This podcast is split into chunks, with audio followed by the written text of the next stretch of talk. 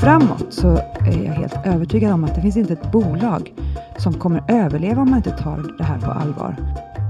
Det vi gör idag det är till exempel att undvika flygfrakt. Och sen tittar vi på ett alternativ att eh, transportera med järnväg.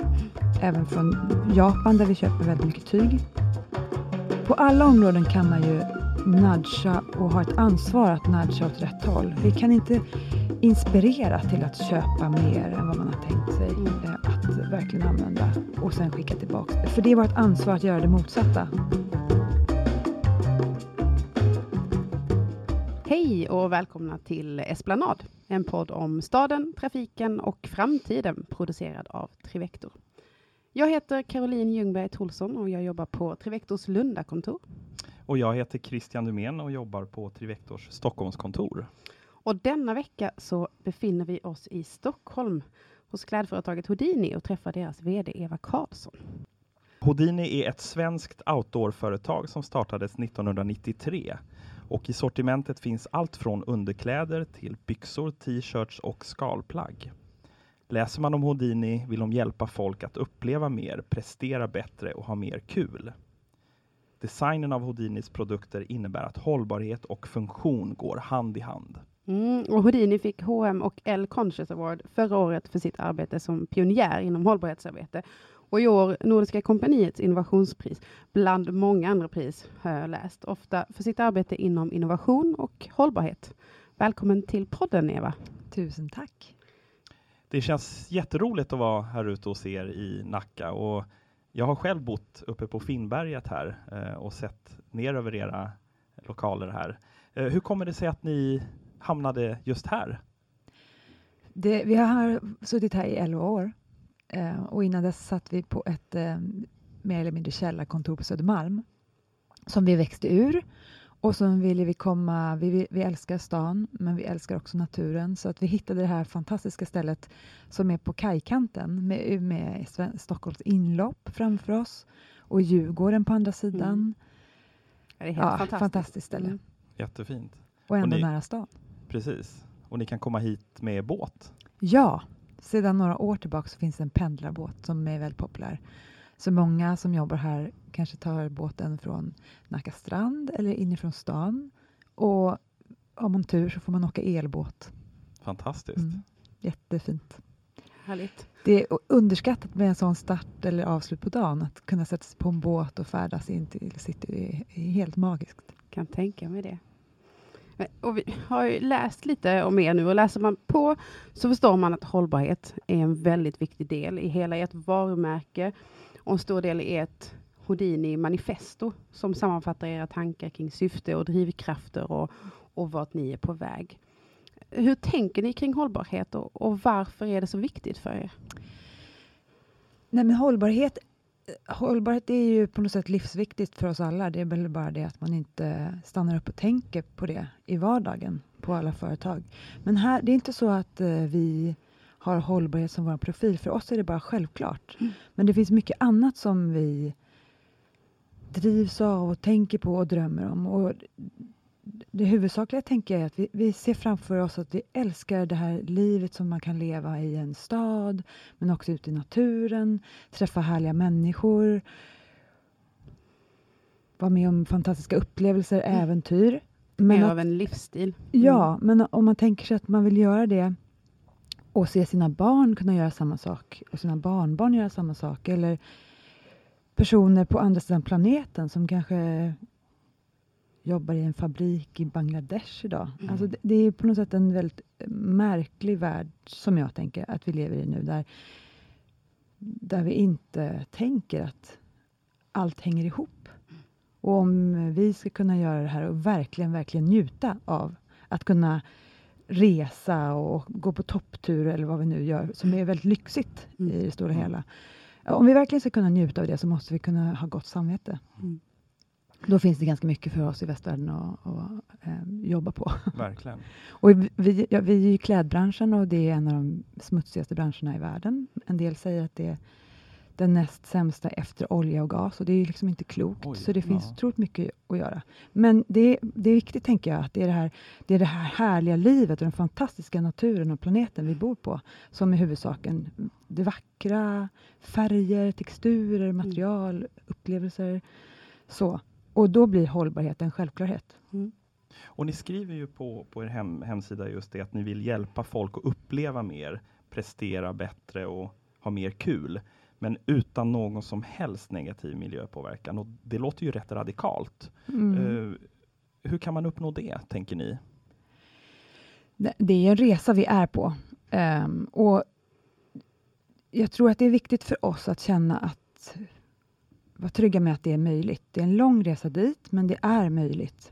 Man kan utveckla material som har en positiv kraft för naturen. Till Mm. exempel får som betar på ett sätt, på tillräckligt stor yta och på ett smart sätt hur man roterar fåren så att de mår bra men också jorden faktiskt binder mer koldioxid än vad fårfarmen eh, genererar i metangas till Mm. exempel. Så det finns så mycket vi kan göra om man gör det smart sätt, på, på ett smart sätt och, och då gäller inte bara på en fårfarm utan det gäller i varenda steg i vår verksamhet och också hur vi tänker kring designa produkter. De ska hålla länge, de ska inte kännas ute ur ett liksom, trendperspektiv efter ett halvår. De måste kännas lika coola eller sköna eller trygga att använda på expedition efter tio år kanske. Mm.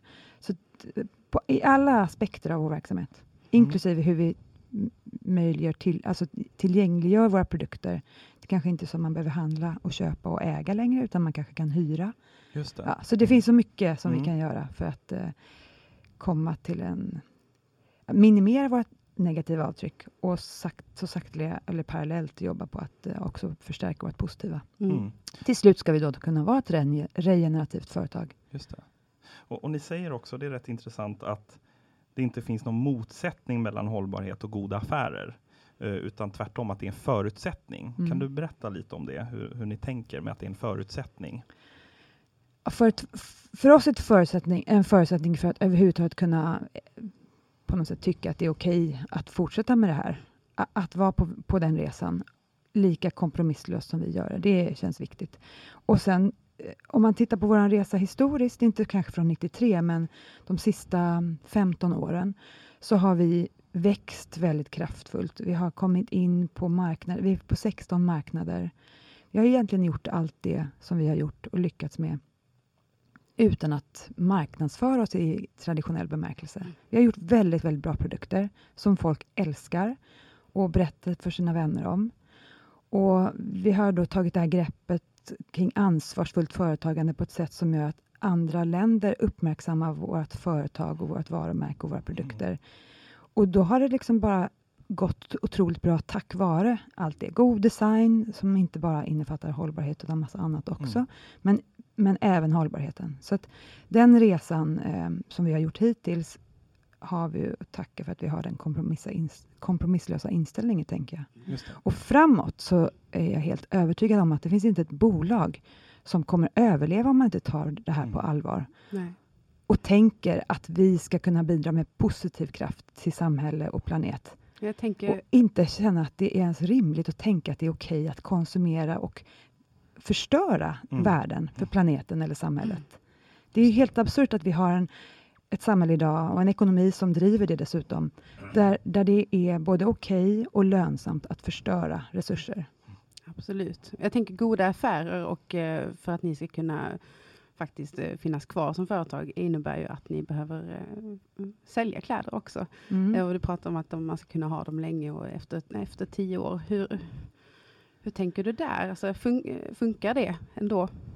Vi, vi ska ta reda på det mer eh, i, i, i siffror Mm. eh, och kvantitativt. Men vi vet, vi vet redan nu att vi får många av våra användare som kommer tillbaka med plagg som de har just haft i kanske tio år och så behöver de hjälp med att reparera en dragkedja. Så det är en del av vår verksamhet idag, att se, se till att förlänga livslängden på våra användares plagg. Mm. Eh, Och då går man in i väl- butiken bara och, Ja. och lämnar in? en del kommer till oss här på kontoret Okej. också, men det Mm. van- vanliga är att man skickar in, för det görs från hela världen, eller kommer in till en av våra butiker. Just det. Så det är fint att se. Jag tänker att det, det har inte varit så många år som det här slit och slängsamhället har, har varit ett faktum. Um, och det finns ju många som kanske aldrig har anammat det. Mm. Men tyvärr också en, en herrans massa människor, som, inklusive man själv, som har påverkats av allt, allt mode och trender och sådär. Men vi, vi är väldigt noggranna med att vi måste vara en motkraft och en inspirationskälla till det motsatta. Mm. Och det kan gå lika fort åt andra hållet. Mm. Slit och släng har, har varit ett faktum i 30 eller 20 år. Mm. Och det kan svänga och gå tillbaka åt andra hållet mm. minst lika fort. Mm. Fortare troligtvis. Men ni har ju hållit på rätt så länge. Eh, ni startade 1993. Eh, har ni alltid haft den här hållbarhetsprofilen? Och hur har det varit att jobba med det och vad har ni sett för utmaningar under tiden? Det har funnits många utmaningar på vägen, det, det vill jag lova. Men jag var inte med från, från 1993, utan jag kom in 2001. Och då var Houdini ett fantastiskt litet svenskt varumärke med produkter för klättrare och skidåkare. Mm. Um, hög kvalitet, en otroligt innovativ produkt och det var så som eh, det blev ett bolag. För att från början så var tanken liksom att ett gäng kompisar med Lotta, John och Felicia i spetsen, de behövde de här produkterna för sin egen klättring och för sina expeditioner. Mm. Men eftersom de var så bra så, och, och unika så blev det ett företag. Mm. Och Det var ju produkter som höll länge och kunde användas till mycket, även fast det var främst bergsklättrare som använde dem. Um, men sen utvecklingen när jag kom in i bilden 2001, då, då var det mer en fråga, ska, ska vi vi har ett jättefint varumärke. Ska vi skala upp det här och göra något riktigt stort av det? Eller inte, i stort mm. sett. Och då bestämde vi att okej, okay, vi gör det, men då måste vi bli en del av lösningen, inte en del av problemet. För redan då visste man ju att, eller det är ju sunt förnuft att tänka att linjära produkter som alltid kommer, alltid kommer bli sopor, sopor en vacker dag, det är ju vansinne. Så vi sa att vi måste bli cirkulära och vi måste bli en del av lösningen på många andra sätt också. Men kan man säga att det är när ni skalade upp som det här med hållbarhet blev seriöst på riktigt? Ja, om man inte räknar in kvalitet och multifunktionalitet som en del av hållbarheten. Mm. Och det fanns ju med redan från början och ja. det tänker jag är oerhört viktigt att komma ihåg. Absolut. Att även om vi gör allting cirkulärt till exempel och miljöcertifierat och allt möjligt. Men om vi tänker att det fortfarande ska vara eh, kortlivade produkter så tror jag inte vi löser planetens mm. eller världens problem. Mm. Utan det handlar om att göra just sådana produkter som man förälskar sig i och sen behåller väldigt länge. Eller åtminstone produkterna i sig håller väldigt länge och sen används de av olika personer. Ja, det finns massa spännande sätt att titta på det här, men, mm. men det är i alla fall inte um, produkter som har en kort livslängd, mm. utan tvärtom. Och sen kan man börja ställa om massa saker i både produktionsled och design förstås, och i hur man tillgängliggör produkterna för att förändra konsumtionsmönster. Mm. Du har nämnt det här med cirkulär ekonomi, det är väldigt spännande. Eh, hur, hur jobbar ni med det? Så hur, hur kommer det in i era, i era kläder? Så att säga? Ja, cirkulärt, eh, om vi tänker först begreppet cirkulärt som är väldigt väl använt idag eh, och kan betyda väldigt mycket olika saker tror jag för många olika personer och företag.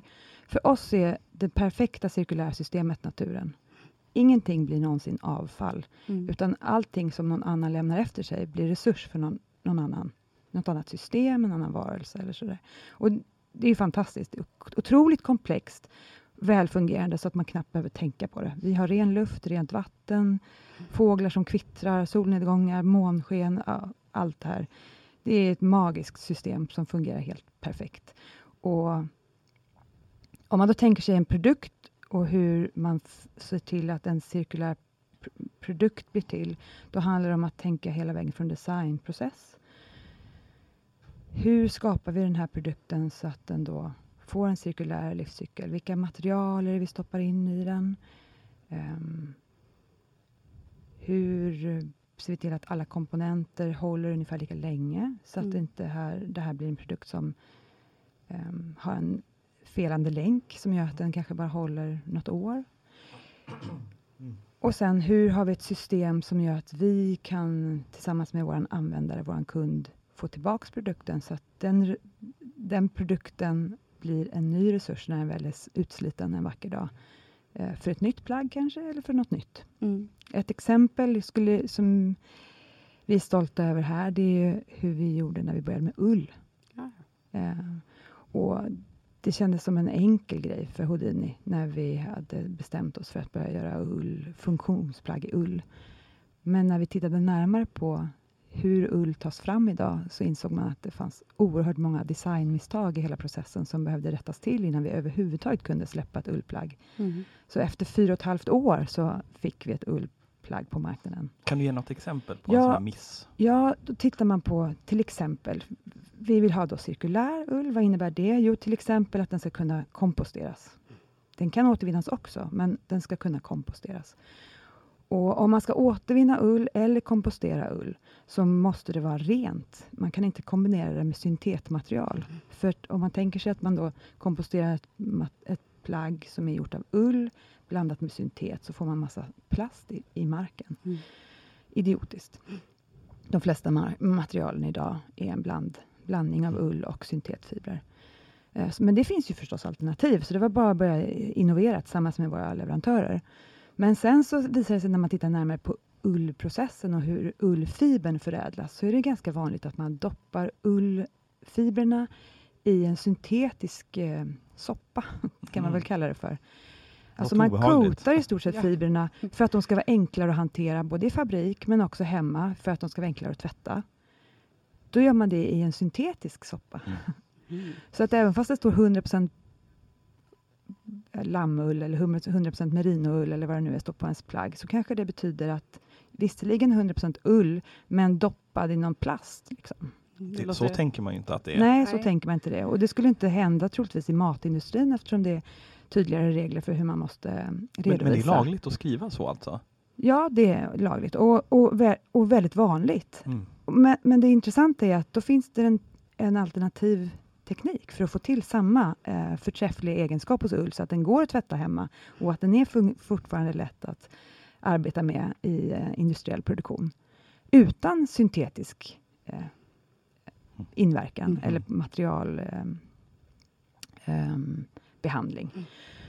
Så att då Mm. var det bara att se till att ta bort en dålig teknologi och ersätta den med, med en redan befintlig alternativ teknologi. Mm. Så det handlar egentligen inte alltid om att innovera, det gäller bara att upptäcka alla misstag som finns Just det. och implementera de lösningar som redan har designats och utvecklats. Läskigt. Kan vi, vi kan aldrig mer vara säkra.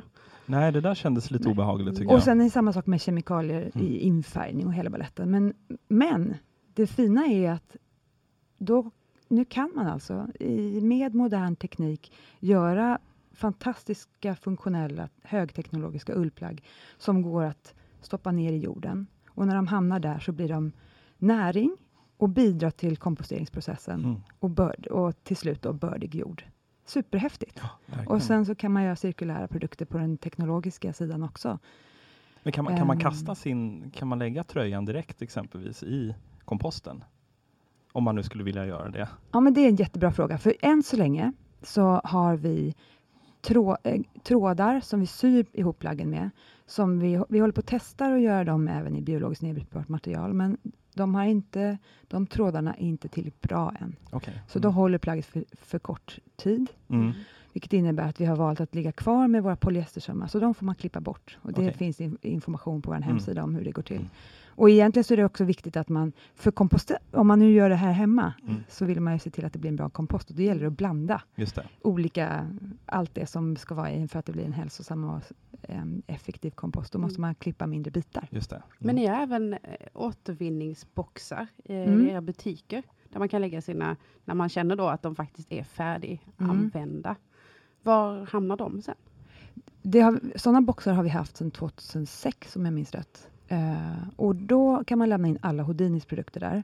Och så kan ansvarar vi för att se, för att se till att de återvinns på rätt sätt. Mm. Men jag kan säga att en hel del som kom, kommer in i de boxarna, det finns liv kvar i de produkterna. Okej, mm. Och då ser vi till att de kommer till användning via välgörenhet eller till och med second hand. Eh, Men erbjuder ni en andrahandsmarknad då för dem? Ja, det gör vi. Ja. vi. Man kan via våra butiker sälja och köpa Houdini-produkter second hand. Mm. Och det har vi också gjort sedan 2012. Och det, är också, det är en väldigt egentligen en spännande historia om man tänker att det är ganska okonventionellt i vår bransch, speciellt för så här lite mera premiumvarumärken att erbjuda sina produkter second hand själva. Men för oss har det varit jättebra. Dels så visar vi att produkterna håller otro, otroligt länge. Mm. Det finns många som hellre investerar i ett reuse-plagg som förstås är billigare och har mer pengar över till att resa och uppleva. Um, ja. E- Eller bara Mm. väljer second hand för att man känner att det känns bra. Mm. Det är en växande skara.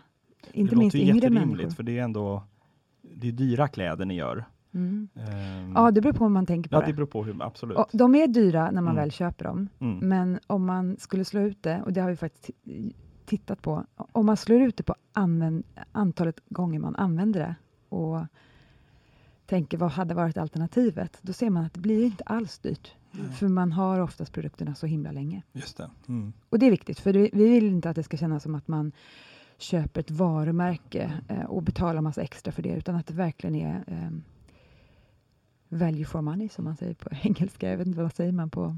Mm. Värde för pengarna kanske? Ja, är det samma? Det kanske är Jag ett uttryck. Funkar. Ehm, vi tänker också lite kring det här med transporter, att för att kunna leverera kläderna så, eh, till återförsäljare, butiker, så behöver kläderna transporteras. Hur tänker ni kring, kring era transporter? Om man tittar på globala transporter, eftersom vi har en global värdekedja, så har vi varit noggranna med att designa den så att, den inte, så att det inte skeppas råmaterial fram och tillbaka, utan att det blir en effektiv eh, resa från fårfarm till em, förädling av den fibern och så vidare, så att det inte åker hit och dit, utan transporteras på ett smart sätt. Och sen inte flygfrakt, utan att man transporterar det Just nu är det ehm, på havet som det mesta går. Ehm, vi är inte fossilfria. Det har inte gått ens. Jag, jag tror att tekniken egentligen har funnits i mer än tio år även för, för eh, fraktfartyg a- att bli fossilfria, men att det inte har implementerats för att det har upplevts för dyrt, Mm. tyvärr. Men, eh, nej, men generellt då, det är den globala transporten, att undvika flygfrakt och att se till att eh, gå kortast möjliga väg. Eh, och att ha tid på sig, att Ja. inte tvingas in i ett system där man flygfraktar och Mm. så vidare. Hur kan, kan, ni, hur, kan ni säkerställa på något sätt att, att resorna är hållbara? Hur gör ni det? Eh, Det, det här är ett område som vi, vi måste jobba mycket mer på. Mm. Det vi gör idag det är till exempel då att undvika flygfrakt. Och sen tittar vi på ett alternativ att eh, transportera med järnväg. Även från Japan där vi köper väldigt mycket tyg. Okej. För att de är absolut bäst på att göra de tygerna och bäst på att återvinna material från oss. Ehm, så det är ett alternativ som vi tittar på väldigt, Mm. väldigt mycket nu. Och sen när det gäller lokala transporter, då har vi allt möjligt spännande som händer. Egentligen mer på lokala transporter just nu ser det ut som. Cykelbud har ju funnits länge, men Move by Bike till exempel Mm. som, som transporterar större mängder med cykel, lastcykel, det är ju fantastiskt. Mm. Just det. Så det är ett, alterna- eller ett alternativ för oss i till exempel Stockholm, Stockholmsområdet. Mm. Vi tittar på um, sådana lösningar där man har en, en hubb eller en transportcentral hyfsat nära eh, större städer för att sen kunna göra lokala transporter em, mer miljöanpassat eller fossilfritt. Till exempel med lastcykel. I Göteborg så är det ett eltåg som går centralt Okej. till vår Mm. butik där och våra återförsäljare där. Så det finns lite olika sätt. Så ni är verkligen Mm. med och påverkar där? Ja, jag, ska inte, jag ska absolut inte säga att vi är med och påverkar mest Nej. på transportsek- Nej. s- i transportsektorn. Vi är med och påverkar oerhört mycket när det gäller från linjärt till cirkulärt, Ja. materialutveckling, ansvarstagande i att ta tillbaks produkter Mm. em, som vi har producerat en gång i tiden. Jag, men jag tänker också kopplat till, eh, till eh, transporter. Eh, vi jobbar en hel del med hur e-handeln Ja. påverkar eh, våra transporter och vad de bidrar till. Ehm, hur, tänker du, hur tänker ni där? Hur Våran, påverkar det er?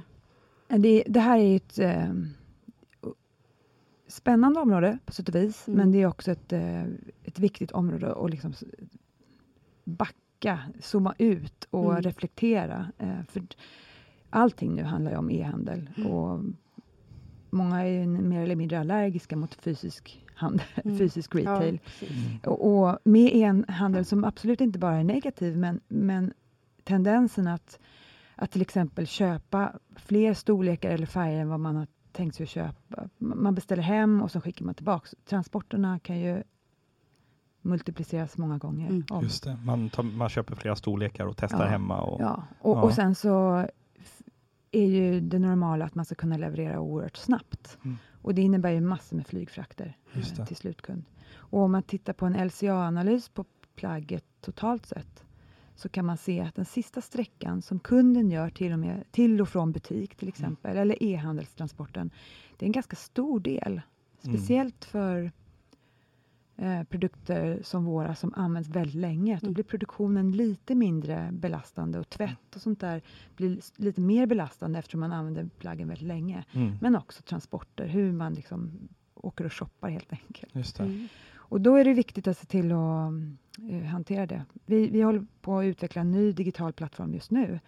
Och då eh, kommer vi se till att, ja, dels, vi, vi, vi erbjuder ju väl, ehm, vi, vi, förs- vi vill erbjuda endast miljöanpassade transporter. Mm. Men vad det innebär lokalt och vad det innebär när man ska transportera längre, till exempel till USA som är en Mm. växande marknad för oss, det är en fråga som inte vi har ett svar på. Nej. Och där finns Faktiskt. det en, en del kvar att göra. Men, men att på alla områden kan man ju nudga och ha ett ansvar att nudga åt rätt håll. Vi Mm. kan inte inspirera till att köpa mer än vad man har tänkt sig Mm. eh, att verkligen använda och sen skicka tillbaka. Eller vi kan inte inspirera till att köpa ny färg varenda säsong. Mm. För det är vårt ansvar att göra det motsatta. Och det, det måste vi applicera även på eh, e-handelstransporter, Mm. tänker vi. Och där sticker ni ut, för det, det vill ju alla andra, sälja nya färger varje säsong, tänker jag. Eh, vi pratar också väldigt mycket om eh, delningsekonomi generellt nu. Och Mm. eh, i vår bransch så pratar vi om transport som tjänst. Och jag tänker att ni pratar om kläder som tjänst istället. Mm. Och ni har erbjudit uthyrning av kläder i butiker ett tag och även på hotell i Åre. Mm, det stämmer. Eh, men har startat en pilot eh, med eh, en tjänst där man får hyra olika paket av kläder från er. Jättespännande. Eh, hur fungerar det? Eh, Det är ju en pilot, så vi vet inte hur det ska, kommer fungera eh, än. Men än så länge känns det väldigt bra och det är ett oerhört spännande område. Om man, om man tänker inspirationen så kan man ju som svensk bara älska våra bibliotek och ha ett bibliotekskort som gör att det blir möjligt att ha massa böcker, alla böcker man vill ha och läsa, Mm. men ha dem och dela dem med andra. Mm. Ehm, Och precis som eh, ett bibliotek fungerar så tänker vi att vårt klädbibliotek blir som en gemensam garderob som många delar. Och då är det möjligt att ehm, välja lite olika nivåer på hur man får tillgång till produkter. Mm. Om man behöver lite mer vardagsplagg eller om man vill kunna testa allt, allt det senaste, kanske det som till och med kommer nästa säsong. Alltså det finns olika varianter för att det ska... Och det håller vi på att testa nu. Mm. Vi har en pilot här i Stockholm och ett eh, klädbibliotek eller en gemensam garderob här på huvudkontoret. Så, Och så man får inte spännande. grejerna hemskickade utan man, man går till ett bibliotek och plockar ihop sitt paket I den, då? Eller? ja, i den första piloten Första, gör vi ja. så. Mm. Mm. Och sen så får vi titta hur vi eventuellt kan eh, skala det här på ett smart sätt. Mm. Och och det är blir- det som är tanken. Ja. Ja, och är då det blir det färdiga en del- paket då, beroende på vad man, be, vad man behöver? Eller? Nej, nej, det är inte färdiga paket, Nej. utan precis som med böcker, man ska kunna välja precis Okej. den boken man vill. Mm. Men man kanske väljer att jag vill bara kunna hyra eller prenumerera på fyra böcker i månaden, eller jag vill ha åtta böcker i månaden. Så kan man välja lite olika. Så att det blir så, så det ska inte vara onödigt dyrt för de som bara vill ha ett plagg och, och testa. Till exempel, man vill ha en jacka. Och då vill jag ha en tjock jacka en del av säsongen och så vill jag ha en skaljacka när jag ska på skidsemester och sen vill jag ha en vindjacka för att jag cyklar till jobbet Mm. varje dag. Så kan man ju göra. Mm. Eller så har här- man en hel Houdini-garderob som man byter lite då och då. Ja. Eh, I den här piloten har ni då rekryterat ett visst antal personer som då testar det här. Mm.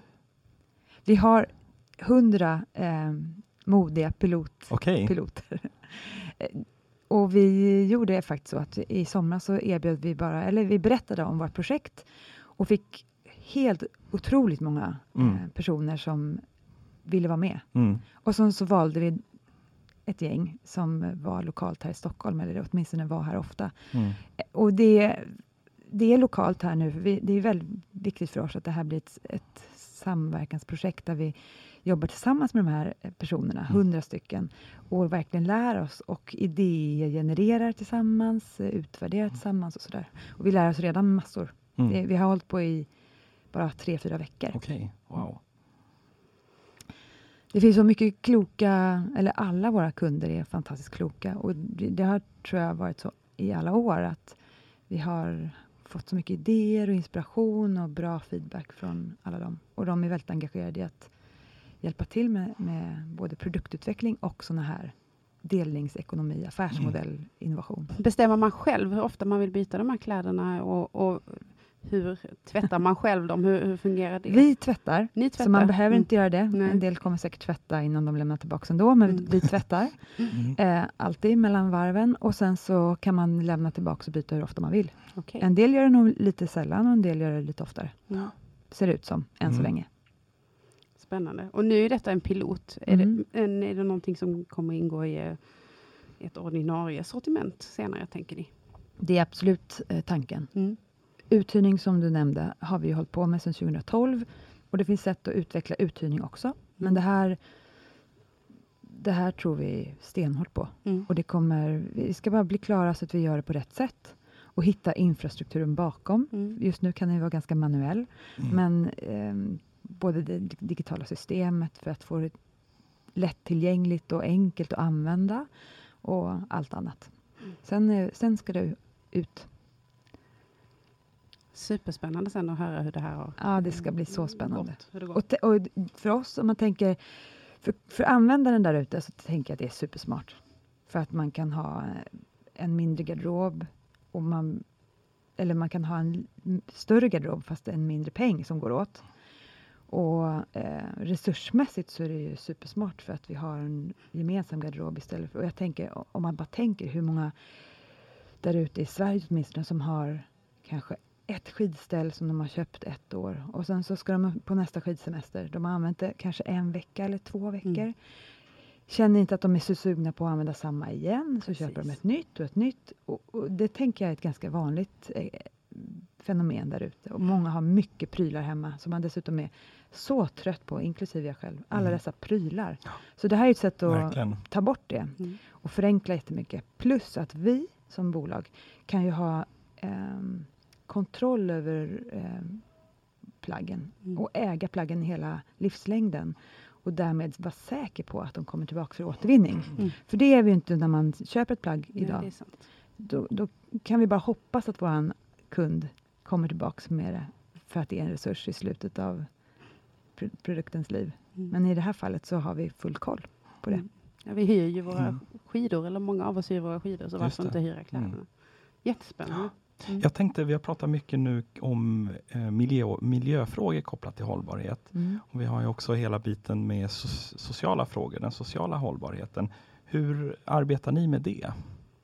Om eh, vilken ände ska man börja? Först tänker vi, om man tänker på vårt syfte som bolag, så tänker vi att eh, vi vill ju inspirera folk till att vara aktiva, men också att vara ute i naturen och att må bra och ehm, kunna koncentrera sig på upplevelsen där ute i naturen, inte frysa eller vad det nu är man kan göra, utan bara uppleva hur härligt det är. Det tänker vi är en del av vår sociala hållbarhet. Mm. Att faktiskt göra så att människor mår bra Just och är det. lyckliga Mm. av den anledningen. För vi tror att, vi vet att vi är det och vi tänker att det är många andra som blir lyckliga när man är i naturen.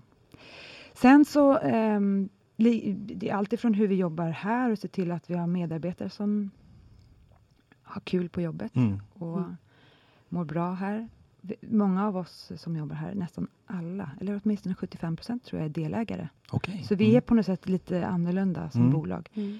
Och sen om man tänker det som har varit lite mer på tapeten i media så, så handlar det ju om kompromisserna man gör socialt bara för att människor jobbar i en fabrik på andra sidan jordklotet. Just det.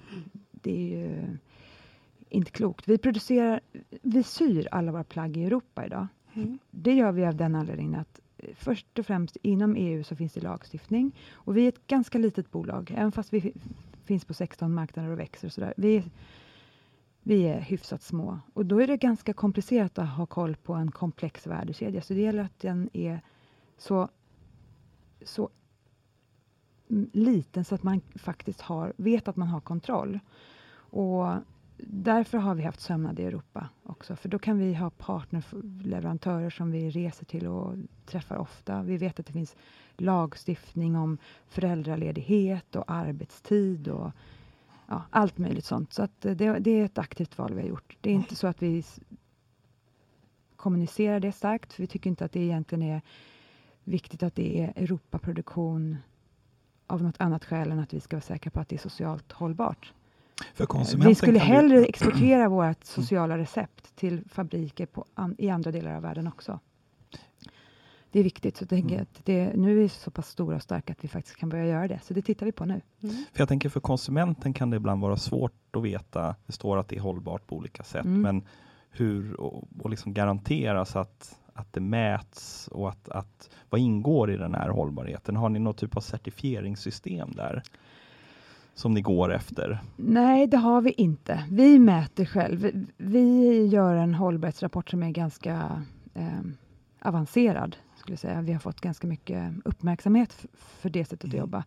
Men, men det finns alldeles för många olika certifieringar och en del betyder mycket och är bra och en del är kanske greenwashing mer än något annat. Det. Ehm, Så Mm. att det är svårt för kunden idag. Jag är det är olyckligt till och med hur många liksom, märkningar det finns som kanske betyder ibland någonting viktigt, relevant och Mm. ibland bara är en märkning för att det ska se.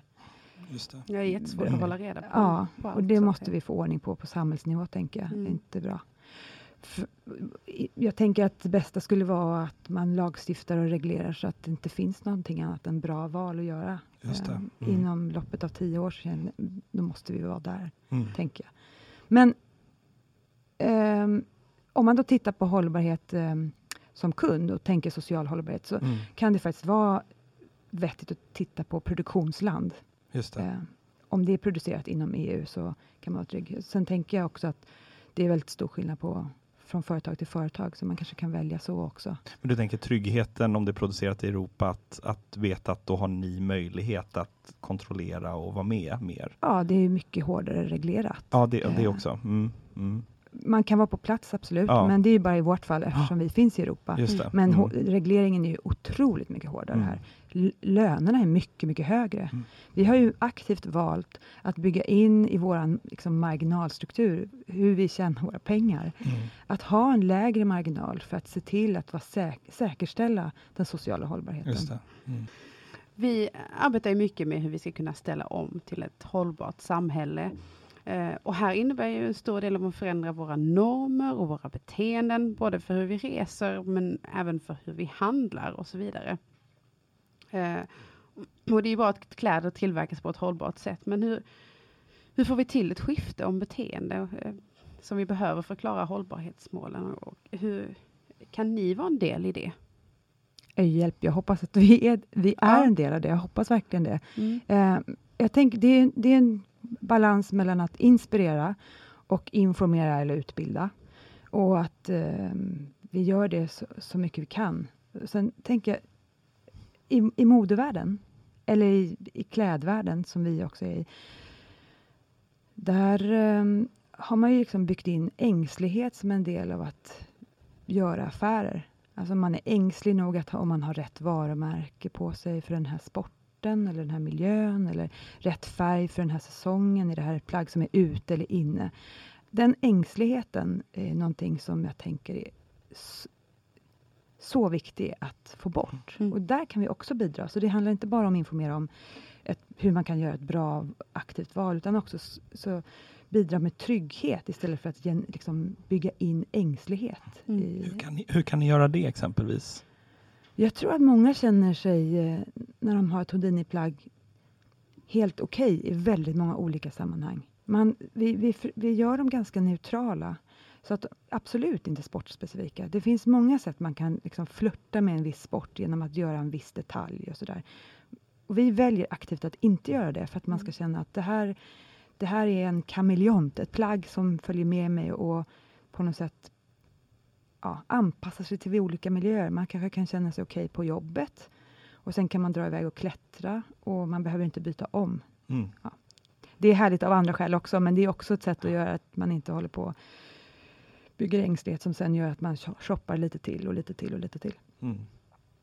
Det låter ju jättebra. Det börjar bli dags att runda av det här avsnittet av eh, Esplanad. Men vi skulle vilja ställa en fråga till dig, Eva, först. Hur ser ni på framtiden och vad blir er nästa grej? Oj, oj, oj.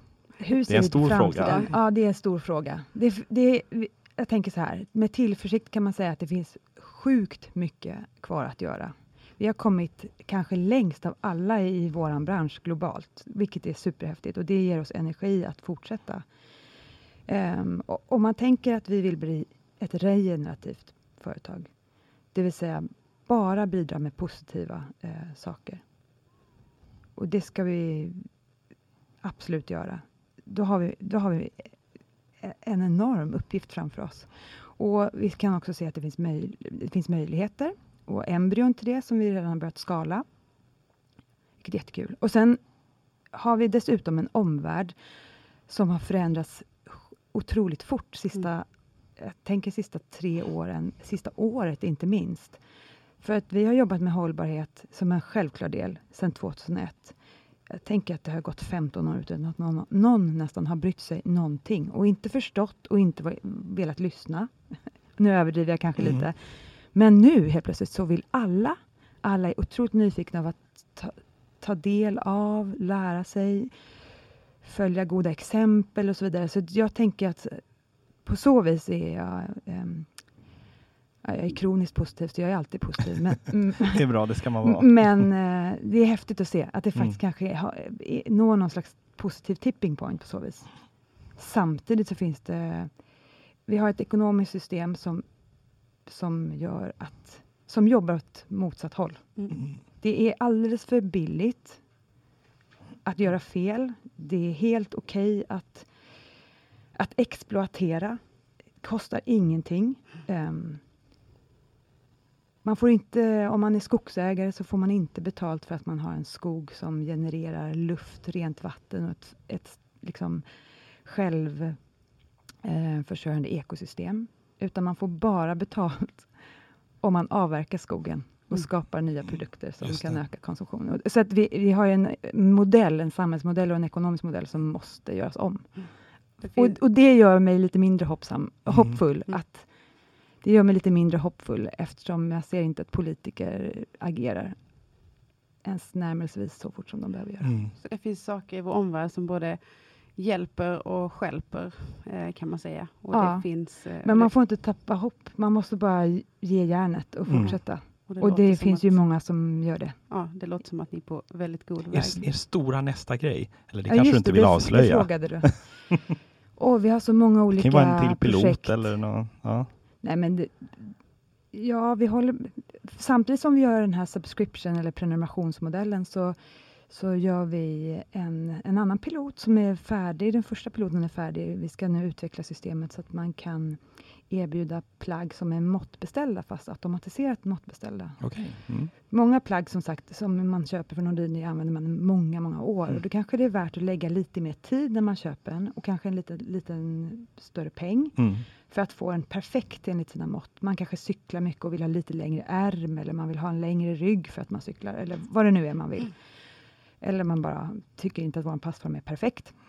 Hur som helst, att kunna göra det um, och därmed göra så att plaggen blir ännu mer en produkt man har en relation till och vill bevara. Så det är ett spännande projekt. Mm. Spännande. En, ett av många. Ja, det låter som att ni har mycket på gång.